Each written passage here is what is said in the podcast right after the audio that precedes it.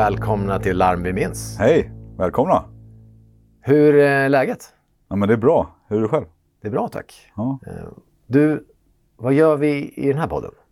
I den här podden så pratar vi om Larm vi minns, Mm. precis som podden heter. Det är bra. För att vi jobbar som brandmän och befäl. Just det. Jag heter Daniel Brander. Och jag heter Tröste Brege. Och Trösti, vems tur är det att berätta om ett larm idag? Just det, vi kör ju varannat avsnitt. Mm. Eh, idag är det din tur att köra ett larm. Mm. Och egentligen så blir det inte ett larm idag. Nej. Utan idag kommer det bli en, eh, man skulle kunna säga att det är ett dygn där man får följa med mig. Eh, där jag egentligen skulle vara ledig. Okej, så ett dygn, man får följa med dig då du egentligen ska vara ledig. Ja. Men, det du blir- kommer inte berätta om när du är ledig? Nej, jag kommer inte berätta när jag är ledig. Nej. Utan det här är, det blir, det blir stökigt där alltså. Okej, ja, men Så då man får hänga med lite grann idag. spärra öronen extra idag alltså. Ja, då kommer jag berätta det här från mitt perspektiv. Mm. Så som jag minns det. Och jag har bytt ut namn och platser för att skydda alla inblandade. Ja, bra. Varsågod. Tack!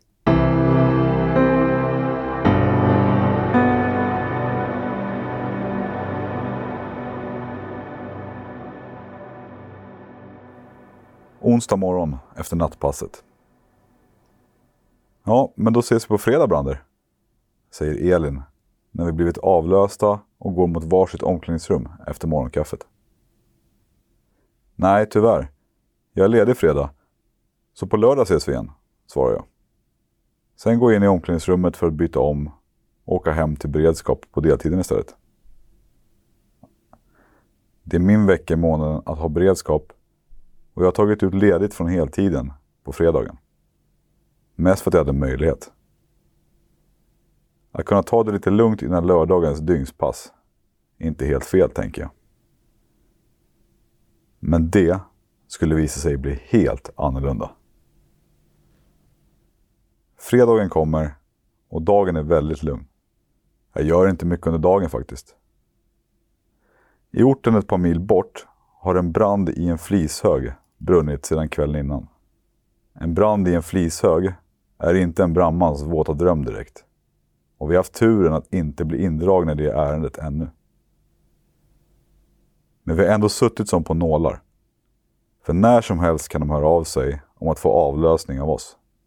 Den orten har precis som hemma hos mig en deltidsstation.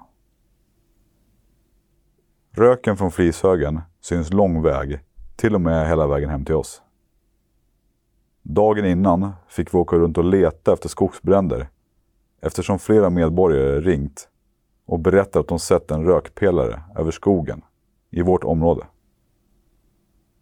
Det är ju helt rätt av dem att ringa, men denna gång var det inte skogen som brann. Vid tretiden ringer i min telefon. Det är Kenneth som hör av sig. Han åker som befäl den här veckan. Tja! Vi ska åka och lösa av en heltidsstyrka på flisbranden om en timme. Vi ska vara där under tiden heltiden har sitt skiftbyte. Och sen får vi åka hem igen. Jag har ringt resten av gruppen. Så vätska upp och ät något så ses vi på station sen, avslutar han. Jaha. Vi kommer alltså vara där i ett par timmar och sen åka hem igen. Nice, tänker jag. Då är alltså tanken att heltidsstationerna i vår organisation ska dela på uppgiften att bevaka branden. Det är betydligt bättre än att vi på deltid ska åka ifrån våra ordinarie arbeten och familjer för att bevaka en brand i en flishög. Vi åker ner till flisbranden med styrkan i lugnt tempo. När vi kommer in på upplaget med enorma högar av träflis täckta av brandrök och lågor ser jag en brandbil jag mycket väl känner igen. Det är ju mitt skift från heltiden. Först fram av kollegorna är såklart Elin, som kommer med ett glatt leende. Jag sa ju att vi skulle ses idag, säger hon och skrattar till lite. Ja, jag vet. Nu hade ni ju tur att ni fick det också, svarar jag och vi går sen igenom vad vi ska göra på platsen. När vi bytt plats på brandbilarna och mitt skift från heltiden fått åka hem så börjar vi jobba i väntan på att nästa station ska komma om ett par timmar. Men timmarna går och det dröjer. Insatsledaren, som är den som leder insatsen, kommer förbi och ber om ursäkt för att vi får vänta. Det är ingen fara egentligen, men vi är slitna efter en tuff vecka och alla vill hem och vila upp sig. Men tiden går och vi kommer inte från flisbranden förrän efter nio tiden på kvällen. Betydligt mer slitna än vi räknat med. Det tog rejält på krafterna att klättra runt i de enorma högarna i fem timmar och dra slang. Vår tankbil får vi lämna kvar på platsen, så vi får klara oss med bara en släckbil resten av helgen. Till slut kommer vi i alla fall hem och jag kan åka hem och duscha innan jag ska gå och lägga mig för att sova. Det kan vara bra med lite sömn innan det är dags att åka till lördagens dygnspass. Jag somnar fort, hinner sova en kort stund innan larmet går igen. Prio 1. Förstärkning brand i villa. Följt av en adress jag inte känner igen. Men orten vi ska till känner jag ändå till. Den ligger en bit bort. Vi kommer till och med passera tre heltidsstationer på vägen dit. Jag börjar nu bli lite stressad över min sömn och över morgondagens dygnspass på jobbet. Ja, ja, det är bara att rulla iväg. Det får bli som det blir imorgon, tänker jag. Medan vi klär på oss kommer en nyanställd ner till stationen. Han vill åka med som medåkare. Något han ska göra innan grundutbildningen är genomförd. Tyvärr, vi har ingen tankbil och du får inte plats i släckbilen, svarar jag. Han förstår och får åka hem igen. När vi väl lämnar brandstationen så får inte Emil igång blåljus eller sirener på brandbilen. Det glappar till i hela instrumentpanelen när vi svänger ut från brandstationen. Vad fan är det som händer? Bilen känns helt skum. Nästan som att den inte går rent i motorn. Och inget lyser på instrumentpanelen. Bilen känns riktigt dålig. Vad ska vi göra nu? säger Emil. Vi kanske måste stanna och kolla, säger jag. Bilen varnar för överhettad pump, säger Emil förvånat. Det kan inte stämma. Det måste vara ett elfel på bilen, svarar Uffe, som är fordonsansvarig på stationen och har bra koll på vår bil. Men vi stannar bilen. Uffe hoppar ur och kollar bak i skåpet där panelen för pumpen sitter. Jag har inte använt pumpen på flera timmar. Skit i det. Vi åker ändå, säger Kenneth och fortsätter. Det är mitt i natten och knappt några bilar ute. Vi får åka utan blåljus. Så länge bilen tar oss framåt så rullar vi på. Uffe hoppar in igen. Inget verkar konstigt där bak. Kör. Vi får lösa det här senare, säger han. Vi fortsätter färden. Alla vet att det kommer ta en stund, så vi slappnar av lite och hoppas bilen tar oss till adressen. Vi resonerar kring vad vår uppgift kommer bli och att bilen är nog inte det viktigaste när vi kommer fram. Vi är ju den tredje brandstyrkan som är dragna på det här larmet. Vi åker typ tre mil. Vi har passerat två brandstationer vid det här laget och helt plötsligt knäpper det till ett ljud från instrumentpanelen samtidigt som blåljus och sirenerna startar. Vi applåderar åt det med gnutta glädje men även ironi. Vi fortsätter med blåljusen på, men slår av sirenen. Det finns ingen anledning att väcka folk längs vägen när det knappt är några bilar ute. Jag kollar ut mot natthimlen och tänker att våra blåljus lyser upp allt väldigt vackert. Jag hinner även tänka några tankar på hur stolt jag är över att jag tog mig hit. Dit jag velat sedan min pappa gick bort för över 24 år sedan.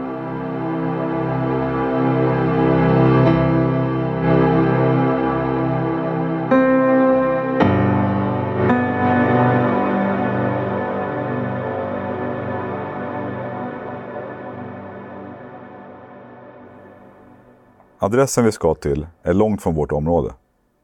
Så att hitta fram är inte något vi gör utan GPS. Tyvärr så märker vi att den börjar strula när vi kommer av motorvägen. Den visar konstiga vägar. Eftersom jag sitter som rökdykledare i baksätet kan jag guida Emil via mobilen eftersom den är säkrare än vad vår GPS är för tillfället. Nästa korsning höger och sen första vänster. Så håller jag på genom villaområdet vi åker i just nu. Vad är det med den här kvällen egentligen? Till slut kommer vi fram till adressen. Jag och Kenneth går ut för att prata med insatsledaren om vad vår uppgift kommer att bli på det här larmet.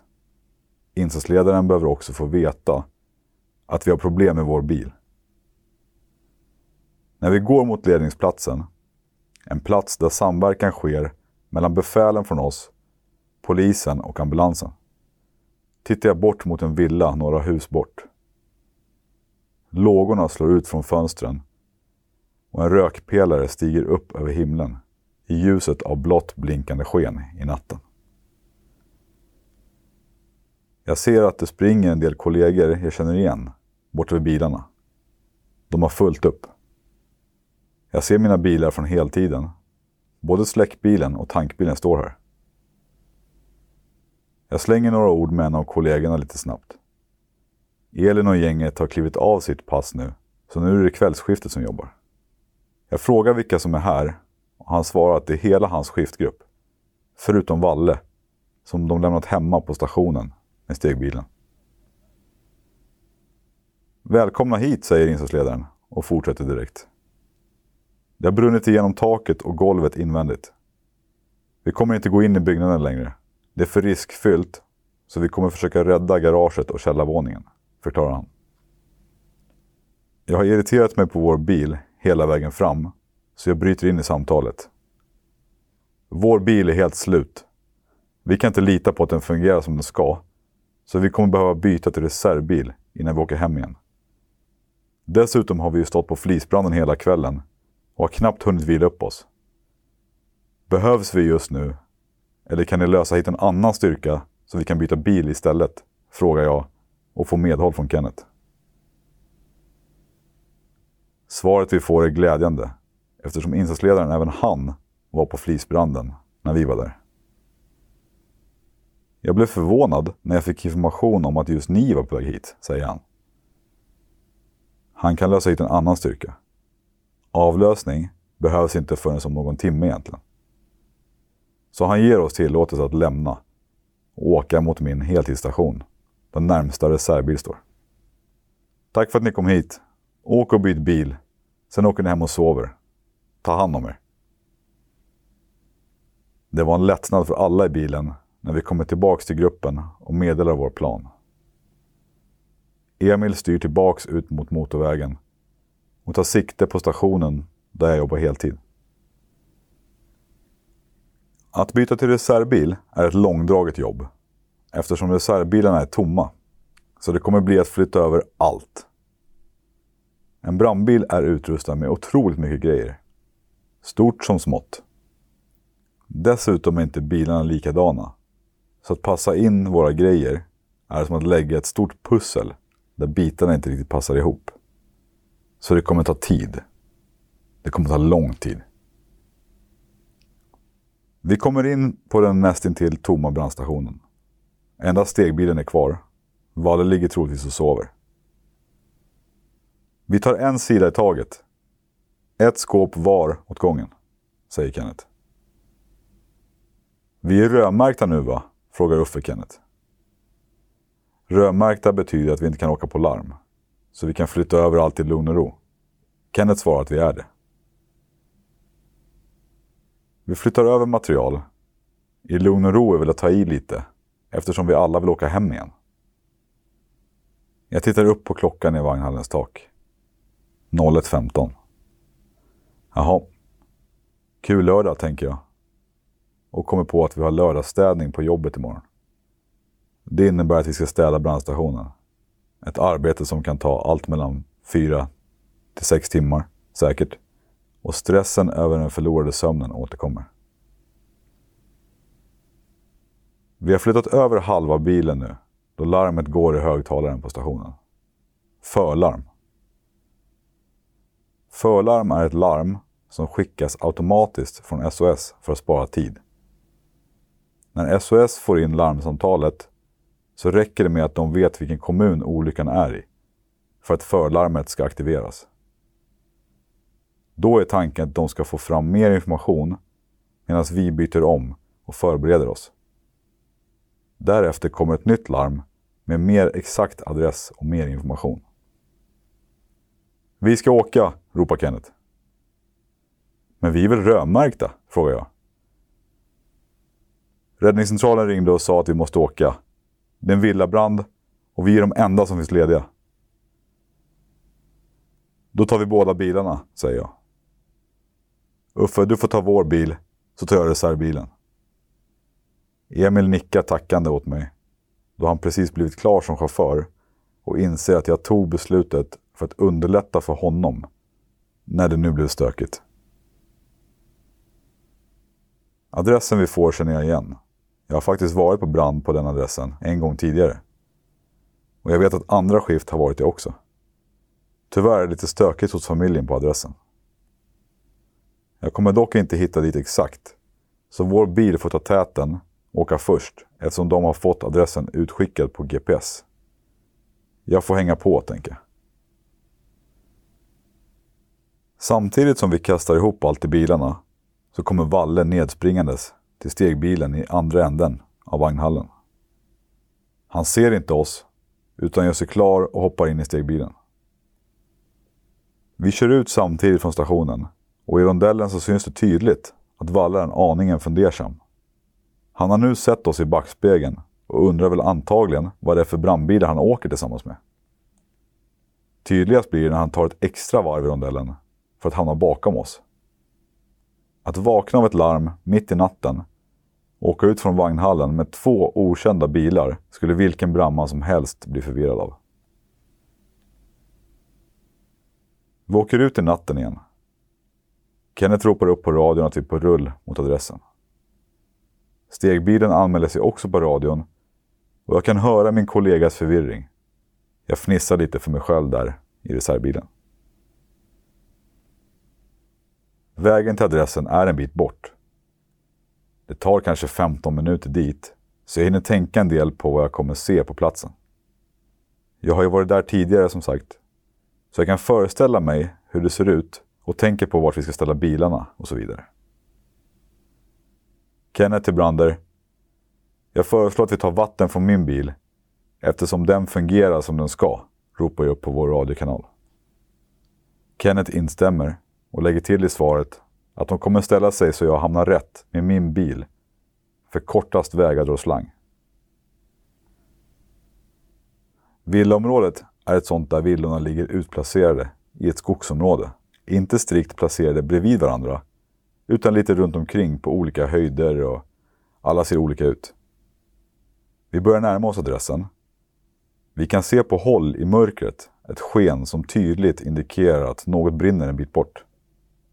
Vägen fram är smal, kurvig och med många backar upp och ner. Sista backen är uppför och jag känner igen mig. När vi stannar på vägen utanför kan jag redan nu se hur det här kommer sluta. Det är en fullt utvecklad brand i villan. Lågorna slår ut genom alla fönster. Det flyger glödande aska upp i den mörka himlen och värmen når oss bort över bilarna ett tjugotal meter bort.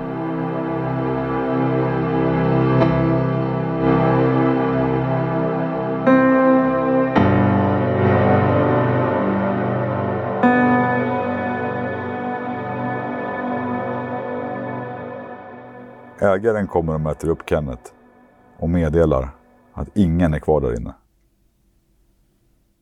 Jag går bak till pumpskåpet på bilen. Skåpet där vi kopplar slang och startar pumpen för att få ut vatten. Stegbilen stannar precis bakom mig. Ut kommer Valle. När han ser mig stå där vid pumpen skiner han upp av glädje och lättnad. Brander, Fan vad skönt att se ett bekant ansikte. Vilka är det som är här? Jag svarar att det är min deltidsstation och han blir glad och frågar vad han kan göra. Jag ber honom dra grovslang bort mot villan så vi kan trycksätta slangarna med vatten så de andra kan börja släcka. Det vi gör nu är att fokusera på utvändig släckning. Det kommer inte gå att rädda huset då det brunnit så pass mycket och länge. Så målet med insatsen blir att skydda byggnader runt omkring. Glöden som flyger uppåt kan komma ner på grannhusen så vi får koll åt alla håll. Det händer också att gräs börjar brinna lite runt omkring på tomten. Vi vill verkligen inte ha en brand i en tillbyggnad. Emil och Janne, som sitter som rökdykare, får ta varsin slang och släcka det de kommer åt och en del små gräsbränder runt om på tomten. Uffe hjälper mig att koppla upp fler slangar så vi ska nå runt hela huset. Värmen som strålar från villan när vi ska gå runt är så pass varm att vi måste ta en lång omväg på vissa ställen för att ens kunna gå runt huset. Det är riktigt varmt nu. Det känns också hopplöst när vi helst av allt skulle vilja rädda huset åt familjen. Det vore skönt med förstärkning nu, tänker jag. Och precis då hör jag sirener i området.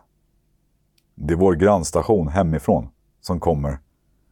Samt en tankbil från en annan station på andra sidan vår organisationsdistrikt. Hela organisationen är ute och jobbar ikväll, med andra ord. Brandbilar måste åka kors och tvärs runt hela distriktet. Befälen samlas och går igenom hur insatsen ska gå vidare. Styrkan som kommer är förvånade över att vi står här och undrar hur vi kunde komma fram före dem eftersom de ligger närmre. Vi har åkt runt i halva distriktet ikväll, på det mesta faktiskt, skrattar Uffe. Vi jobbar ihop med den andra styrkan en stund innan vi får klartecken att åka tillbaks till stationen och byta bil igen. Sen ska vi få åka till vår hemstation för att sedan åka hem och sova. I vanliga fall finns en stolthet att vara kvar och avsluta insatsen. Men nu är vi bara glada att vi kan få åka därifrån.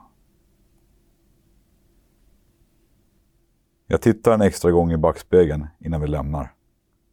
Jag ser mina kollegor kämpa vidare med branden.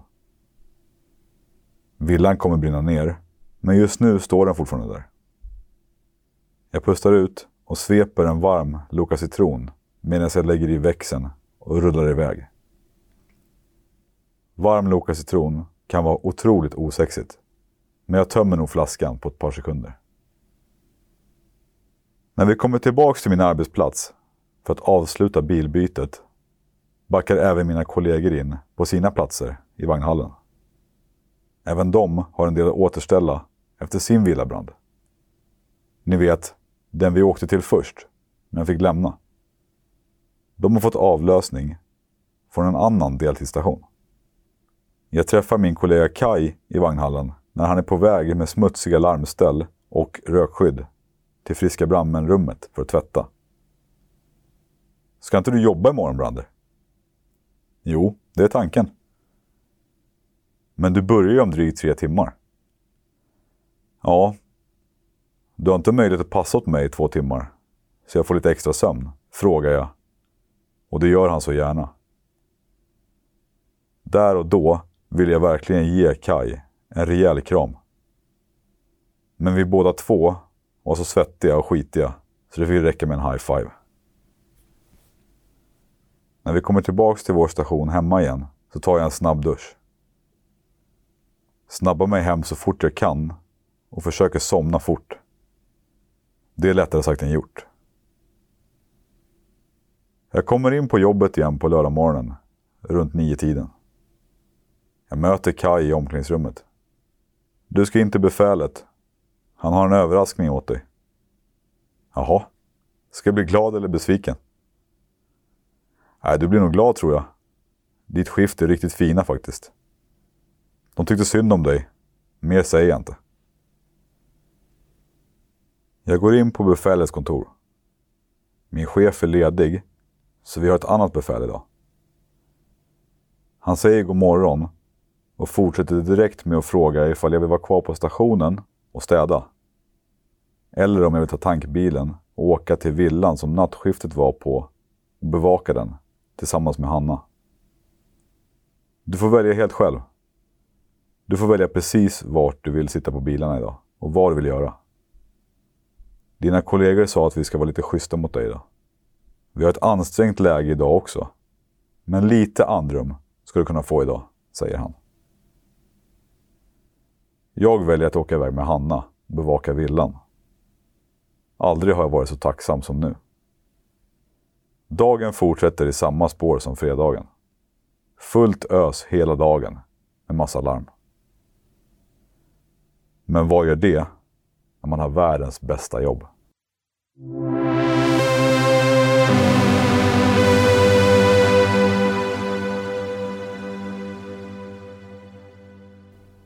Okej, Brander. Det där hände mycket där. Ja, Eh, Men framförallt så var du ju inte ledig någonting.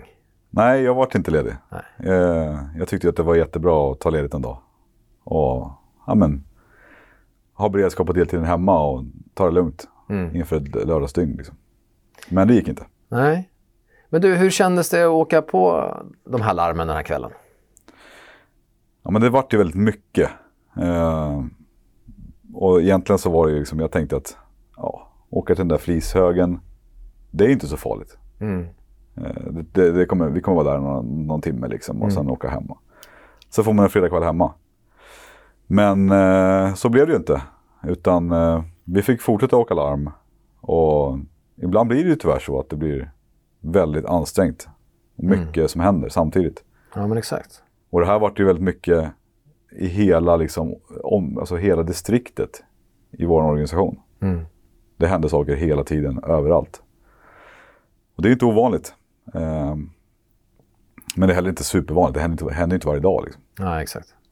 Men, nej, men vi, vi var trötta, vi var slitna. Ehm, och det var lite stressigt också där med tanke på att jag skulle jobba dagen efter. Just det. Du behövde sova. Jag behövde vila upp mig och jag menar, jobba dygn, det är inte superjobbigt. Eh, eftersom vi har den möjligheten att kunna sova på jobbet Mm. på nätterna. Men när man är ändå påslagen ett helt dygn Mm. och liksom är redo att åka på larm. Så att det blir ju en annan ansträngning än att vara hemma. Just det. Så är det ju. Man är på jobbet liksom. Ja. Men du, det här, eh, om vi tar flishög. ja. Eh, Vad är det man gör på en sån brand? Alltså flishögar och sopberg, sophögar. Mm. De eh, blir ju varma in, in, inuti dem. Liksom. Mm. Och vid en viss temperatur så kan sådana här börja självantända egentligen. Mm. Och det var ju vad som hade hänt här. Då. Den här flishögen har börjat brinna eh, och legat och brunnit några dagar. Mm. Där flishögen låg på det här upplaget, de kunde ju hantera det till en början själva. Men sen eh, började den brinna för mycket. Så att då Alltså, var alltså det, företaget egentligen. ja, Ja. det, var, det, det började brinna för mycket och då fick vi komma dit eh, från vår organisation. Då. Ja, men det löste de ju bra. Men vi behövde ju liksom byta ut personal för vi kan inte ha samma personal stående hela tiden. Nej. Så det här håller på i flera dygn. Ja, alltså den, den brinner ju tills den liksom, man har grävt ur den egentligen Mm. Och tagit bort det. Så att eh, vi får åka dit och, och lösa av en, eh, min styrka där då. Och det är lite kul eftersom jag då har tagit ledigt och eh, kommer dit och då träffar jag mitt, mitt skift liksom. Mm. Så egentligen för att vara tydlig här, du åker med din deltidsgrupp Mm. och träffar på din heltidsgrupp där. Ja, ja. Yes. Du skulle vara ledig. jag skulle vara ledig. och det blev jag ju inte. Nej. Eh, Jag hamnade på en flishög istället. Och det vi gör där egentligen på den här flishögen, det är, mer, det är bevaka så att det inte börjar brinna i skogen eller runt omkring. Eller liksom. Den kommer ju brinna liksom, tills man har grävt ur den, som jag sa. Mm. Så att vi, vi sköt ju liksom, ja, men, kyler ner och, och klättrar runt de här flishögarna. Det, är- det, det tar på krafterna alltså. Mm.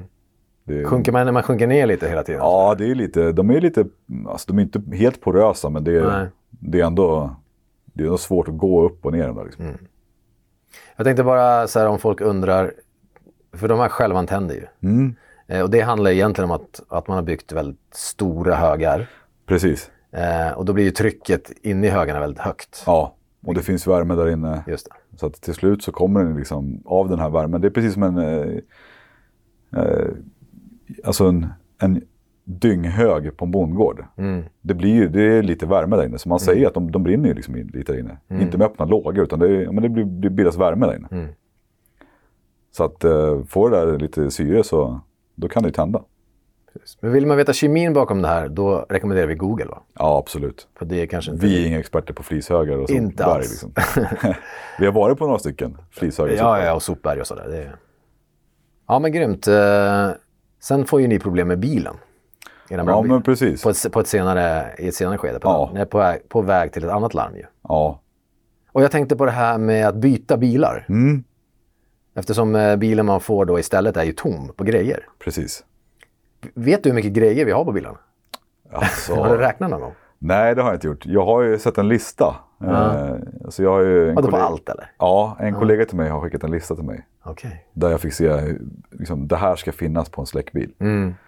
Och det är många A4-papper med grejer. Mm. Det är ju, många saker är väldigt små såklart. Ja, alltså det är ju allt från skiftnyckel liksom, till, Ja. Till liksom, klippverktyg för att klippa bilar. Och, Mm. så slanglängder. Jag menar, vi har ju nästan 400 meter slang på en bil. Liksom. Mm, det. Ja, det är, alltså, det är allt Mm. för alla insatser. Det finns så mycket grejer på en brandbil. Så Men här får ju ni en reservbil som inte ser likadan ut. Nej, den är, ju- dels är den ju lite annorlunda byggd i skåpen. Ja. Den nyare bilen var den vi har. Så den har ju liksom modifierat bilen lite grann. Eh, och den är helt tom. Mm. Alltså det finns inte en pryl i bilen. Men mitt i det här så åker ni ju på larm. Men, men precis. Hur var det? Nej men det är ju stökigt. Dels så ligger det grejer utlagda på golvet där. Så vi måste kasta in bara i bilarna igen. Ja, just det. Och sen måste vi få med oss. Eh, alla måste ju upp i bilarna, vi måste dra liksom. Mm. Och då, då väljer jag att göra det ganska enkelt för oss här för att eh, Uffe i det här fallet, han har ju kört länge. Mm. Emil har ju inte, han har precis blivit ny chaufför. Så Mm. Det kändes ganska taskigt mot honom att bara kasta in honom igen i bilen och så här, nu, nu åker vi liksom. Ja, eftersom bilen inte var helt hundra. Den, den är inte komplett och den är inte helt hundra. Ja. Så då säger jag, men då, då kan du ta, bil, ta våran bil Uffe, så tar jag eh, den här bilen. Mm. För den var jag van vid också eftersom den står på min station där jag jobbar på heltid. Så att vi får ta båda bilarna eh, och rulla på det här liksom. Mm, och det är ju jättebra. Eh, och det, det är också det jag tänker på. Här åker det ju brandbilar kors och tvärs över eh, vårt stora distrikt. Eh, Ja. är det, brukar vi göra så? Eller?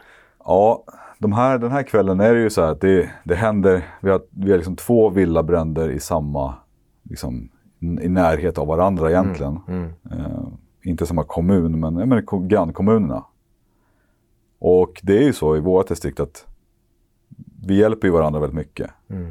Förstärker varandra när, under större händelser. Och bara att vi har ju liksom åkt, vi har åkt genom tre kommuner med, med deltidsstationen egentligen. För att förstärka dem. Mm. Man flyttar ju enheter egentligen, eller stationer. Eh, kors och tvärs i, i distriktet. Liksom, För att kunna underlätta och hjälpas åt. Och just den här kvällen så blir det ju verkligen så att hela vår organisations stationer är ju involverade på ett eller annat sätt. Någonstans liksom. Någonstans. Så att det blir ett, för oss är det bara att åka egentligen. Det är inga konstigheter. Vi åker på larm och om det är i vår hemkommun eller om det är i två grannkommuner bort. Det spelar egentligen inte oss någon roll. Nej. Det är ju någonting som händer inne på vår räddningscentral. De får ju verkligen jobba mycket här alltså. För att lägga deras pussel. Men det blir rörigt. Ja, verkligen alltså. Men jag tänker på larmcentraler och sådär nu, nu Mm. när jag ändå är inne på det. Ja, Eh, ni får ju ett förlarm här som du beskriver. mm, precis. Eh, ska vi kanske bara förtydliga vad grejen med det är? Liksom? Ja, men precis. Eh, vi kanske ska förtydliga att vi, i, vår, i liksom Stockholms län så vi, vi jobbar ju inte direkt under SOS som man gör kanske ute i Sverige. Utan vi har ju egna larmcentraler. Eh, så är det säkert på andra ställen också ute i landet. Men vi har ju till exempel en egen larmcentral. Och när ett förlarm går, precis som jag säger här i, förklarar lite grann i berättelsen så vi säger nu att trösta, du ringer in ett larm. Eh, du, säger, du kan säga liksom att du är på den här orten och det är en brand här. När du säger ortens namn så kommer SOS att kunna positionera det här på sina kartor. Liksom. Och då hittar de direkt att ja, men då är det den här stationen som ska åka. Då trycker de egentligen bara på förlarm och då hamnar det hos oss. Och det är ju för att vi ska spara de här tid, den här tiden. vi kanske inte ens vet vad det är för larm. De, det kanske står, de säger förlarm i liksom en dataröst. Det står på våra tv-skärmar, förlarm, trafikolycka. Och vi vet inte mycket mer än så. Men vi hinner ju klä oss under tiden. Klä på oss larmställen, hoppa in i bilarna och då kanske vi får ett nytt larm. Just det. För då har de intervjuat personen under tiden. Exakt. Och då kanske man fått mera liksom, exakt adress, vad är det som har hänt eh, och hela den informationen. Just det. Vår räddningscentral som vi jobbar under, de får ju liksom en medlyssning från SOS. Så De hör ju vad som, det här samtalet med den som ringer in. Så de kan ju verkligen välja ut av vilka bilar, vilka stationer och hela den biten som ska larmas ut. Så det är de som vi pratar med sen senare. Just det, så att i förlarmet egentligen så hoppar man ju över vår larmcentral initialt. Ja, Alltså signalen går direkt till oss. ja det går direkt till brandstationen. Eh, och sen så börjar de prata med varandra, eller SOS och larmcentralen så att säga, Ja. medan vi byter om. Ja, Och det sparar ju tid. det sparar ju tiden. Så det är, förlarm är ju på de större händelserna. Just det. Det är ju då liksom typ brand i byggnad. Eh, Det är trafikolycka där det är flera bilar inblandade. Som är allvarligare trafikolyckor. Och drunkningslarm. Mm. Just det. Där man behöver spara tid. Liksom. Ja. ja, men bra. Hoppas vi har förklarat det här bra nu. Eh, Vi kanske ska påminna där också. ja, Eh, Jag fick faktiskt en liten heads-up från en kollega på eh, vår larmcentral. Där hon eh, sa att om man dessutom ringer in via SOS-appen just det. så blir de här larmen ännu bättre placerade. Ja, och den appen heter ju SOS Alarm om man söker på den på sin telefon. Ja men precis. En blå symbol med 112 på. Ja. Och när man ringer då som sagt via den, det går, då, då blir ju de här larmen positionerade precis där du är. Spara tid. Spara tid, vilket gör att det är lättare, liksom hela, hela kedjan från att man ringer in till dess att vi ska ta oss dit, kommer bli mycket tillförlitligare. Mycket bra. Så ladda ner den och, och använd den när ni ringer SOS.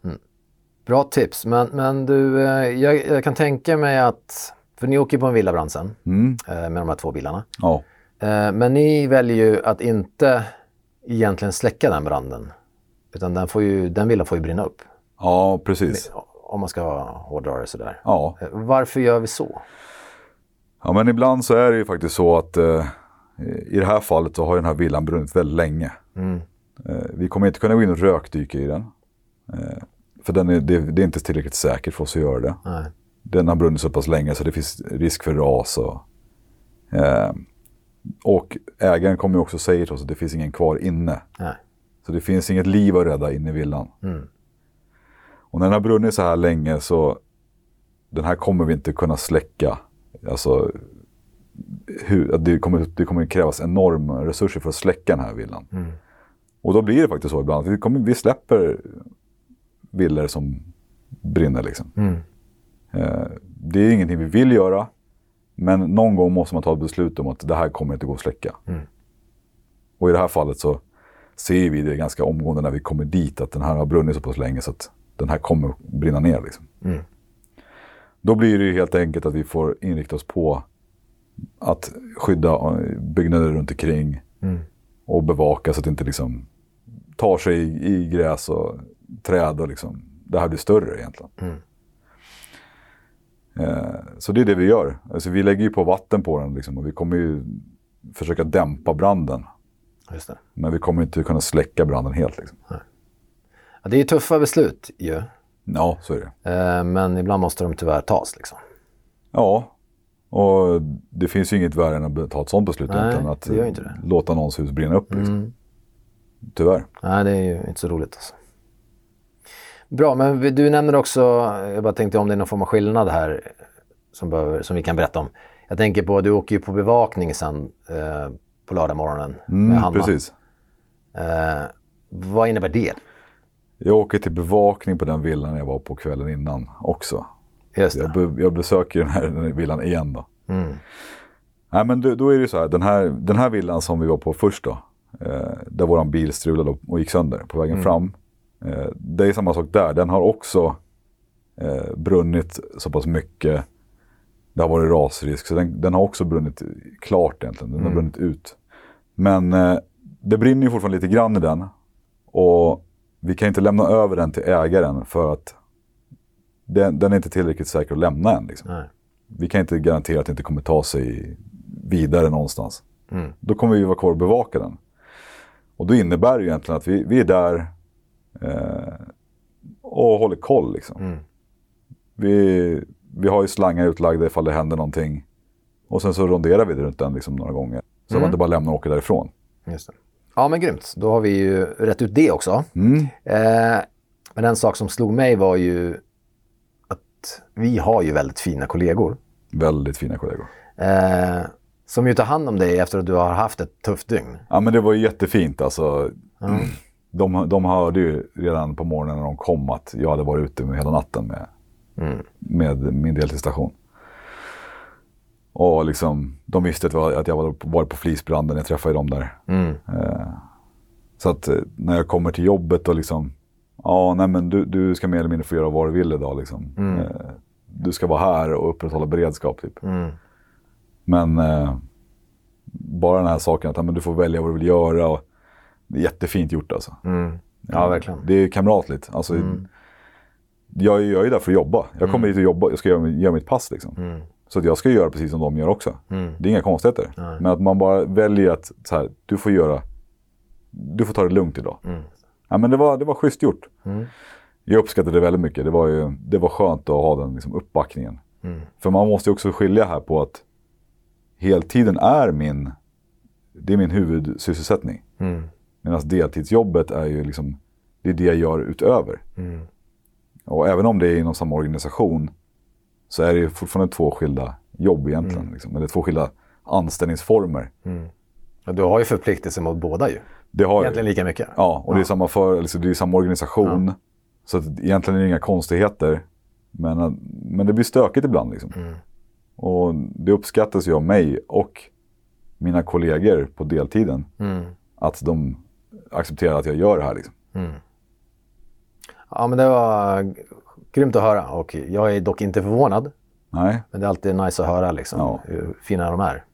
men vi har ju väldigt bra kollegor överlag. Ja, verkligen. Och, så, och alla bryr sig om varandra. Kan inte sägas nog tror jag. Nej. Men då har vi den sista brännande frågan. Ja, Eh, det är ett lilla sponsorinlägg här från Loka Citron. ja. Eh, är du sponsrad eller? Nej, jag är inte Har sponsrad. du fått spons som inte jag har fått?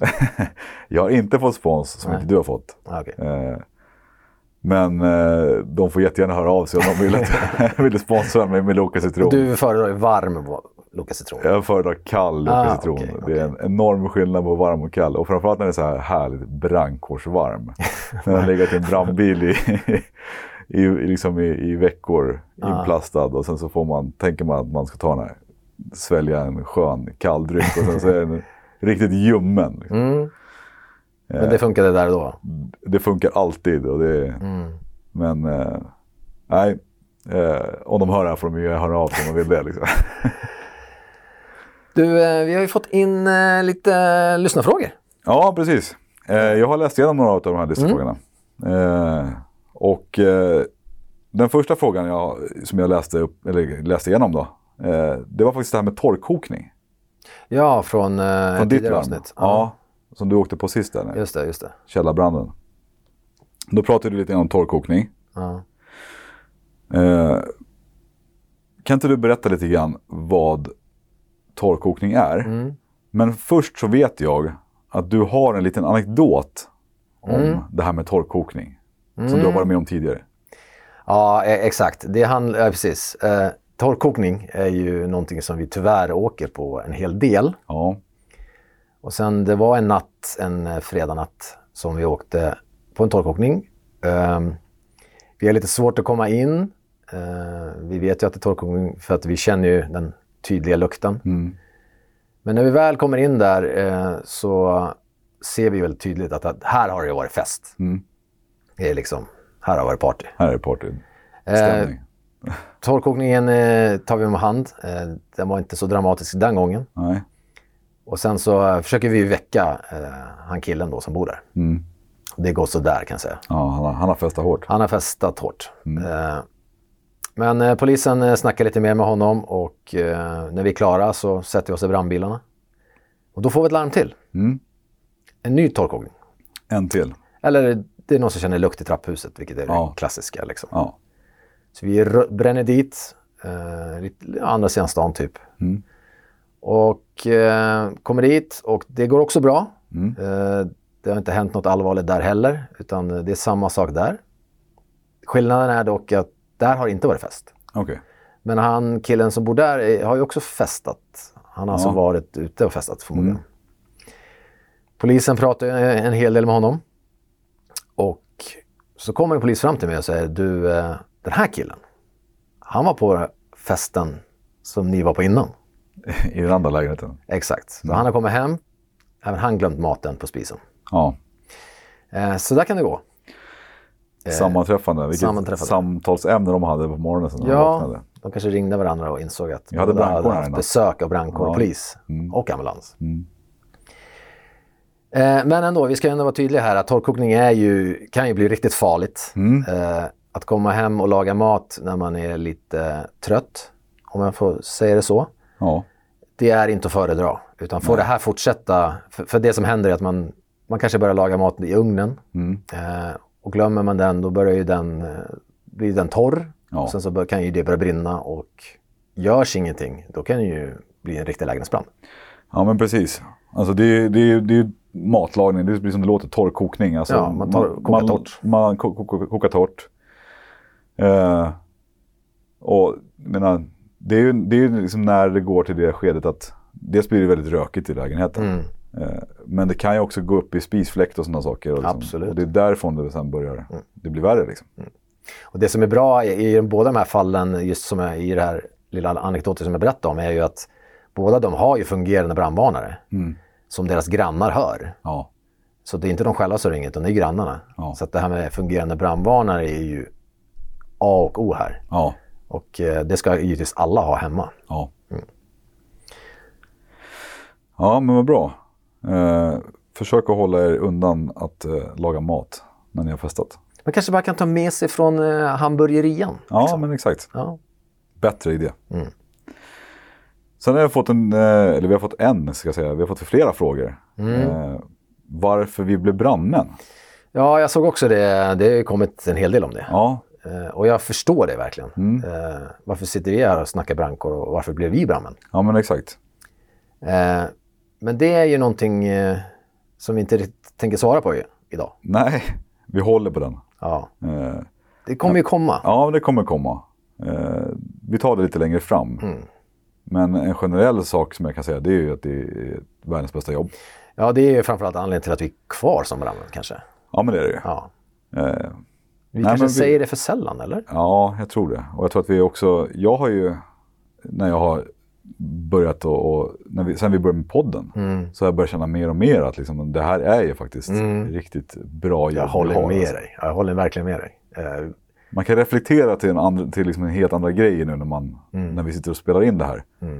Och trots att vi kanske berättar väldigt mycket tunga saker eh, så är, är det ju också väldigt mycket positiva saker Ja. i det här jobbet. Mm. Som egentligen överväger. Ja. Ju. Så att eh, det är ju ett fantastiskt jobb. Men vi återkommer till det. Mm, vi lovar att göra det. Ja, Men du, eh, om, man vill, om man har frågor till oss, ja. vad kan man göra då? då kan man mejla till oss. Mm. Eh, på hej Mm. och gör gärna det. Ja, verkligen. Det är ju, alltså, det är ju, jag ser alltid fram emot frågorna. Det Ja. är- Det är lika kul att öppna mejlen varje gång. ja, eller? Och det är också, det är också så här att vi, vi tar med vissa frågor till podden. Mm. Men vi svarar faktiskt på en del, vi svarar på alla frågor. Eh, antingen i podden eller så svarar vi direkt på mejlen. Ja, exakt. För vissa frågor är ju, blir ju lite svåra att svara i podden för att Ja, ja, man måste förklara vissa saker. Liksom. ja. Men eh, vi läser allt Vi läser allt. och svarar ju på allt. Ja. Men om man vill kika lite i sociala medier då, Mm. eh, så har vi några konton. Ja. Vi finns ju på Instagram, Mm. larmemins. Gå in och följ oss där. Jättegärna. Eh, Håller er uppdaterade liksom. ja, men exakt. Eh, och vi försöker lägga ut eh, i våra stories när vi jobbar lite grann. Mm. Eh, Så ni får åka med lite sådär. ja. Och sen finns vi på Facebook. Jajamän. Mm. Samma namn där då. Samma namn där. Men Men det viktigaste stället att följa oss på, mm, vart, Det- är, det, vart är det? det är nog i sin poddapp. Ja, Följ oss där så missar ni inte när avsnitten kommer. nej. Har vi gjort ett bra jobb idag? Jag tycker vi har gjort ett bra jobb idag. Till nästa gång Brander, ha det så bra. Du med Trösti.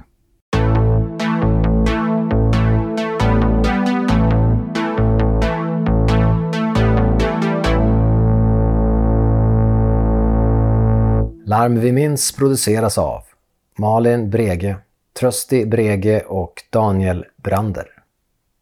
Ljud och musik Marcus Söderberg.